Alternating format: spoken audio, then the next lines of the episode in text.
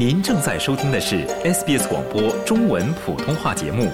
更多节目内容，请浏览 sbs 点 com 点 au 闲斜杠 mandarin，或下载应用程序 SBS Radio App。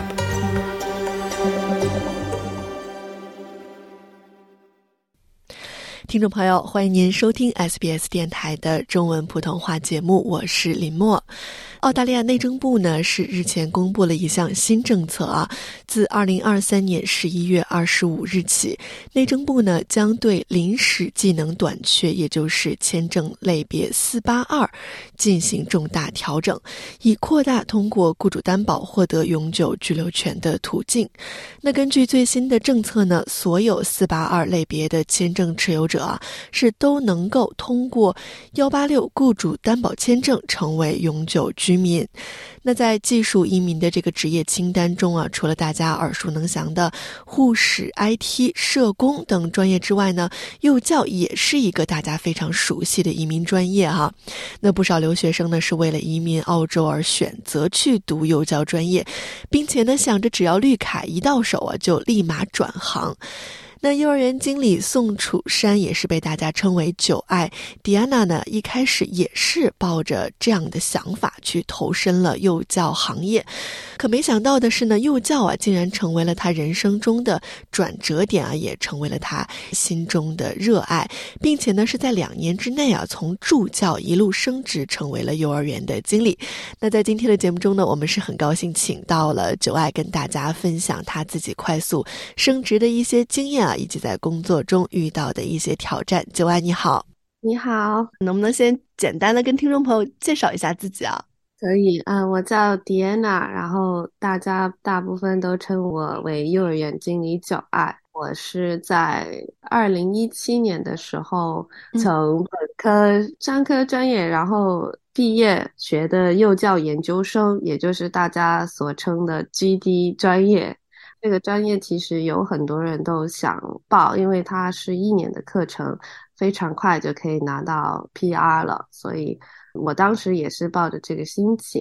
后来我毕业了，然后就开始投身幺九零的政策，所以就必须在新州工作还有生活。毕业后就马上找到了一份幼教工作，然后两年后升为经理。然后一直到现在，就还一直继续在做幼教。嗯，所以这么多年啊，毕业了之后还是一直在从事幼教。那当初为什么会选择幼教这个专业呢？因为就像我说的，就是当时。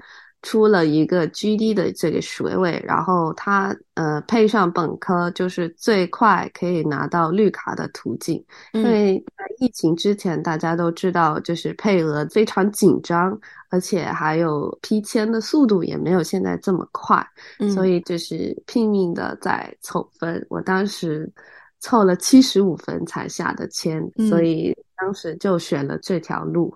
嗯，那有没有想过，当时拿到 PR 之后啊，还会一直从事幼教这个专业呢？我当时因为我本科学的是会计金融，而且我一直都是在这方面是非常有兴趣的，所以我是想着读完这一年拿好绿卡，我就转行，我就特考。嗯，可没想到，就是做着做着，我就发现，其实幼教才是我应该从事的行业。嗯，为什么会突然一下子发现哈，幼教是你真正喜欢的专业？你刚才也提到了自己其实本科念的是这个金融会计的专业啊，是不是之后也做过一些和金融会计相关的工作？是的，我其实从事了很多，尝试了很多种不同的职位，嗯，然后。在金融行业，我是在银行实习的，还有在一个会计事务所，一个很著名的会计事务所实习。但是我发现，就是在办公室里坐着一天，看着电脑，就其实还蛮疲劳的。然后中午也特别容易犯困。呃，后来我也考了一个就是房地产的证，然后我是有在房产公司做过租赁的，嗯嗯，然后其实我也不太，就是不太感兴趣，也不太喜欢，就是每天都带客户去开房，嗯，后来到了就是我要去新州的时候，因为发现我要是走独立技术移民的话，我的分数其实不太够，所以就斗胆的走了新州州担保。当时选了第一份工作，我其实也挺紧张的。因为我第一个实习的老师也没有给我太多的支持，然后我整个人就是很懵的，因为这个转折点特别大，就这个专业跨度特别大。嗯，后来越实习就是越上手了，然后发现其实嘿，我自己其实也可以胜任的。然后就是抱着这个心态就去面试了，而且当时幼教都特别稀缺，其实工作也是任你挑，所以我就挑了一个稍微大一点的公司工作。然后工作之后，慢慢发现其实幼教行业因为这个稀缺，它上升的空间特别大，嗯，所以。两年后就做到了经理的位置，那你是什么时候决定哈要一直做这个行业做下去？因为你也提到说最开始的时候其实还要想着拿到这个绿卡就跳槽，应该是二零一九年末吧，就花了一整年，我才觉得这个是适合我自己的。行业，嗯，因为我其实，在二零一八年的时候刚入行的话，我其实只是一个 assistant educator，就是一个助教。后来我的 room leader 他走了，我就补升到 room leader 的这个职位。当时我觉得幼教就是特别难，后来就遇到一个小朋友，他的行为其实还挺极端的。嗯，也不只是一个，是两个小朋友的行为挺极端的，然后我就觉得我真的熬不下去。这个就是在你做 room leader 的那段时间里吗？这个小朋友就是去度假，度假回来他不想回来，然后就是行为就大转，变得非常的极端。之后我就觉得我其实熬不下去，就在等 PR 的消息，然后再拿到 PR 的消息，我就马上换工作。我已经当时已经面试好了，要换一家新的公司。嗯，后来我这个快辞职的公司，我就递上我的辞职信，嗯然后工作挽留我，说能不能呃留在这儿？我们当时马上要进行，就是教育局要过来做一个评估，叫 assessment and rating。嗯，然后他们说我们给你升职加薪，你能不能留在这儿？然后我当时就留下来了，因为我知道这个 assessment rating 其实对一个幼师的职业生涯特别特别的重要。面试的时候是一个被常问的一个问题，就是你有没有做这个评估的经验？因为服务员每三到五年都会经历一次评估，而且这个准备工作是非常之大。就是因为有这样一个机会，对吗？有一个帮助幼儿园做评估的机会，所以你就选择留下来了。对，因为我之前一方面提到有这个稀缺，所以就是职位可以升职，所以我就是一直在往前进。像我之前说的，我本来只是个助教，然后就做了 room leader，后来就留下了升职，当了 educational leader。之后我就非常喜欢我的工作，因为。我发现我其实喜欢做这个评估，哦，幼儿园的评估，嗯，对我喜欢这个过程，而且我帮我们的公司就是第一次做评估，我们就拿到 exceeding，也是最高的一个等级啊，对，最高标准。嗯，后来公司就是专门派我去帮他们做这个评估，因为我们是一个连锁公司，所以就把我放到各个不同的连锁。帮助他们度过这个准备工作，还有去做这个评估的过程。之后我就发现，我就可以去不同的幼儿园看不同的环境，然后就得到特别多的启发。就在这个时候特别的开窍，所以后来我就当上经理。因为其实 educational 的 leader 一般在当经理之前还有一个。职位一般就是 assistant educational leader，然后当时就越过了这个职位，直接当上经理了，所以就可见这个评估的这个经验到底有多重要。就是你只要这个这方面的经验，就是离当经理不远。这个也是你在短短几年里一路从这个幼儿园老师做到幼儿园经理，能够这个快速升职的一个经验，对吗？是的，因为这个评估的过程会看很多的 compliance，也就是我们所说的，我们有没有就是按照法律要求去经营这个幼儿园。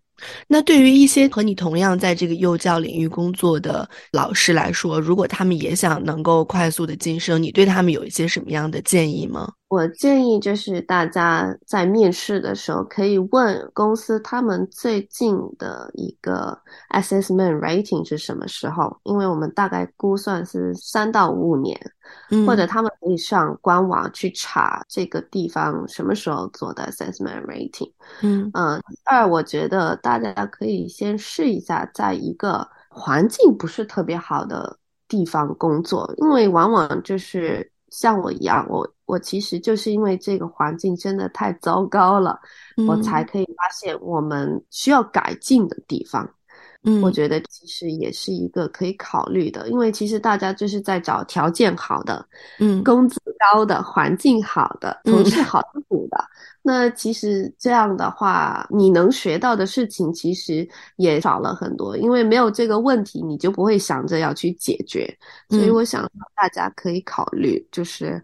去一个 meeting 的幼儿园来开始工作，就是你说那个 assessment rating 的结果是一个 meeting 的这个情况。对，而且我当时当经理的时候，我的那个幼儿园其实是 not meeting，根本就没有达到平均标准，所以我发现那里有很多可以改进的地方。后来就因为做了很多改进，我们后来就赢得了那个新州的大型幼儿园的。冠军奖哦，就是所以是从 not meeting 一路做到了 exceeding，是这样子吗？这个的跨度非常之大，因为我当时进来的时候一个月内就马上呃 assessment rating，所以我尽我最大的努力从 not meeting 变成了 meeting，然后在 meeting 之后再做了很多。的一些新的 program 或者新的课程，嗯，呃，然后做了很多创意这方面的事情，然后才拿到了奖项。这个奖项跟 rating 其实是分开的，就是看你 program 的优越程度。所以因为做了创新，就得到了他们的认可，我们就拿到了冠军。嗯，也是挺不容易的，一路走过来。那你刚才也提到了有一些行为比较极端的小朋友，在你想要离职的时候，呃，能不能具体的跟我们讲一下，是一些什么样的行为，也让老师的情绪会非常受影响呢？就是我们能遇到的行为，就是有些小朋友他是不会说话，但是这些那个我觉得还是比较轻微的。极端的行为，就比如说打人。咬人就是频繁的咬人，故意欺负其他的小朋友。当时的状况就是，他会砸墙，拿东西扔到墙上去。然后当时呃拿了一把椅子扔到墙上去，然后就有一个洞，掀桌子，然后就是把那个玩具就是摔的到处都是，尤其是乐高。一些小朋友就是有。逃离的一些现象，他是到一定的程度之后，他就会开始想办法，就是出去，想离开幼儿园，离开幼儿园的教室，然后从教室离开到大马路上，就有这些极端的行为，还有嗯，一直爆粗口啊，或者就是打老师、打小朋友，还有一些有会掐小朋友或者掐老师都有的。那要是碰到这种行为比较极端的小朋友啊，作为老师的话，要怎么去处理？呃，首先就是我们要先和家长有一个谈话的过程。我身为幼教，我自己会记录这些状况。嗯，就比如今天小朋友咬人几点，他的频率。呃，是什么引起他咬人？嗯，因为很多的这些行为的背后是小朋友在呐喊着他的一个需求，嗯有可能是小朋友有一些我们所说的学习障碍，就我们常听的自闭症小孩，他有 ASD，还有一个他有 Opposite Defiance Disorder，就是他的脑袋没有办法。去理解你跟他说的一些事情，他会把它理解成相反的事情。嗯，我跟他说不要碰这个东西，他的脑袋就会翻译成碰这个东西，他就会把这个不字忽略掉。Opposite 就是反，Defy 就是不遵从。所以你会记录下来，比如说小朋友咬人的频率啊，他为什么会去咬人，然后再去跟他们的家长沟通，是吗？然后从家长这一方面，其实有几个部分，就是第一，家长可以带宝宝去找儿科医生，去判断有没有一些身体上的不舒服。就我们所说的这些学习障碍，其实大部分都是需要儿科医生来去做判断。呃，大部分的家长其实都是非常愿意去配合的。嗯嗯。然后我们这边的话，就会跟其他的老师交流。就比如说，我遇到这个小朋友，他有这个行为，是怎么处理的？嗯嗯。因为我们是要从根源解决问题，所以就是要先知道。他是不是不太会社交？比如说咬人的小朋友，一般就是两种情况：一不太会说话，所以他没有办法表达他一些情绪；二他会说话，但他在那个过程中，他不知道怎么去控制自己的情绪。我们在这个时候，就比如说他要是不会说话的话，那我们就会帮他做一些 visual，或者说一些手语。他就可以用手语来表达他到底要些什么，就比如说，他可以跟另外一个小朋友就是比一个 stop，一般就是抢玩具，他抢他的玩具，他就要咬他，对吧？这个是常见的，啊，他就会跟他比一个 stop，那另外一个小朋友就可以接受到，哦，他在教我 stop，他还没有结束玩这个玩具，那我要等等，嗯，一般。就是这样，那像一般一般情况下来讲啊，就是被咬的那个小朋友可能会比较不开心，或者是他的家长啊，有可能会看到哎自己的孩子被咬伤了，或者是被。打到了，会对幼儿园可能有一些不满的情绪。你们有没有遇到过这些家长？就是如果说我的孩子在幼儿园被咬了，那我应该怎么办呢？有，其实有非常多的家长有遇到过这样的情况。嗯，因为其实咬人的小朋友其实到处都是，每个幼起码都会，嗯嗯，有这样的小朋友。第一就。年龄比较小的小朋友，他们那个时候还在长牙。第二就是我提到的，就是稍微大的小朋友，但是他没有办法表达自己，或者他有一些学障碍，嗯，就会引起，呃，很多家长的想法就是我对这个幼儿园的做法不满意，所以我就要换幼儿园。嗯，但是我觉得，无论你换几家幼儿园，都是会发生这种情况，对吗？对，其实大概率还是会有这种情况发生的。我觉得，其实我们应该正确的去引导我们自己家的小朋友。我举个例子，就是我当老师第一年后，也被我至今都记得这个小朋友。嗯，因为就像我说的，之前我们有一个呃行为特别极端的小朋友。之后，他其实是把这个女孩子，这小小女孩吓得目瞪口呆，就非常害怕，因为他看到她在砸东西。而这个小小女孩，她在家里的教养其实是非常的好，她都非常温柔。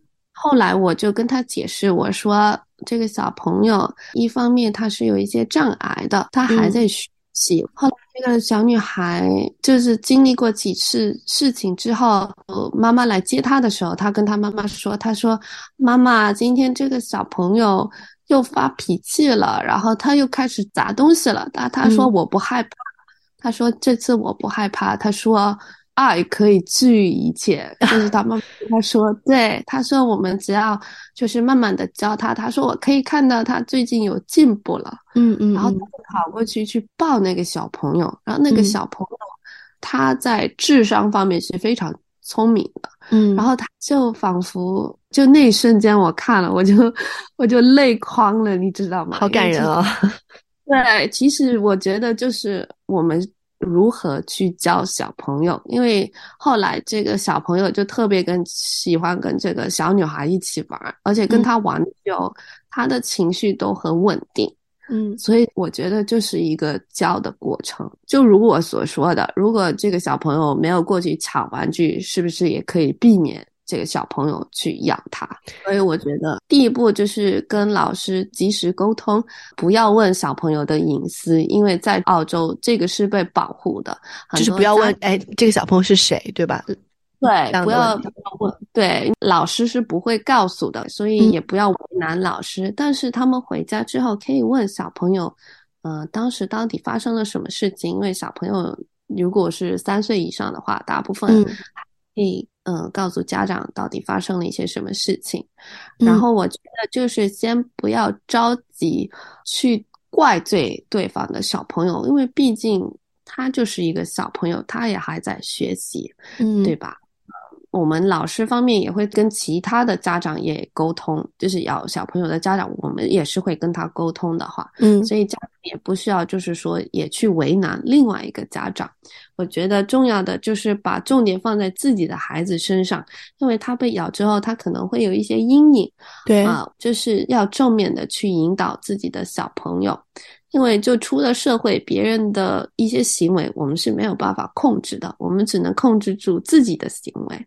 所以我觉得正面引导自己的小朋友，就跟他解释，就如同这个小女孩的妈妈一样，就是非常温柔的告诉他说：“嗯，妈妈知道你今天被咬了，然后嗯，在幼儿园或者在出社会是会遇到一些行为比较极端的。”小朋友，嗯，我们就是要注意我们的一些措辞或者我们的一些行为，啊，就不要一直提到就是他被咬的这些事情上，因为他就是会加深阴影。一般会让家长就是换个角度，让呃小朋友来思考。那假设说妈妈拿你的玩具，你是不是也会不高兴？嗯，你是不是会哭？那哭也是一种表达的方式。那这个小朋友他表达的方式就是咬人，然后老师会教他一些正确的表达情绪的方式啊。对，而不是说哦，这个小朋友咬你，那你也把那那你也咬回他，或者这个小朋友打你，你也打回他。我觉得这个就不是一个正面的引导，而小朋友以后就不会知道怎么去避免这个事情发生。这个频率就是。小朋友咬他的频率还是会在，所以为什么只要小朋友咬了这个小朋友之后，会发现哎，怎么每次都是我的小朋友被咬？因为没有正面的引导，所以同样的事情一次又一次的发生，这个小朋友又跑过去抢他的玩具了，他又把他咬了。嗯，所以重要的是帮小朋友了解咬人背后的原因是什么。是的，而且这个。大部分的原因，不管他有没有学习障碍，不管他发展到什么阶段，嗯，他最后就是想要表达一个情绪。所有的行为的后面就是一个人的情绪，他才会有这种行为。所以我们现在就是在教小朋友的一个非常重要的课，就是如何去 self regulate，就是如何去控制和去正面的发泄自己的一些情绪。想在 SBS 当一回影评人吗？SBS On Demand 正在推送配有中文字幕的热门影视作品，您只需观看一部或以上影视作品，并把影评观后感发给我们，就有机会赢得一份 SBS 精美礼品。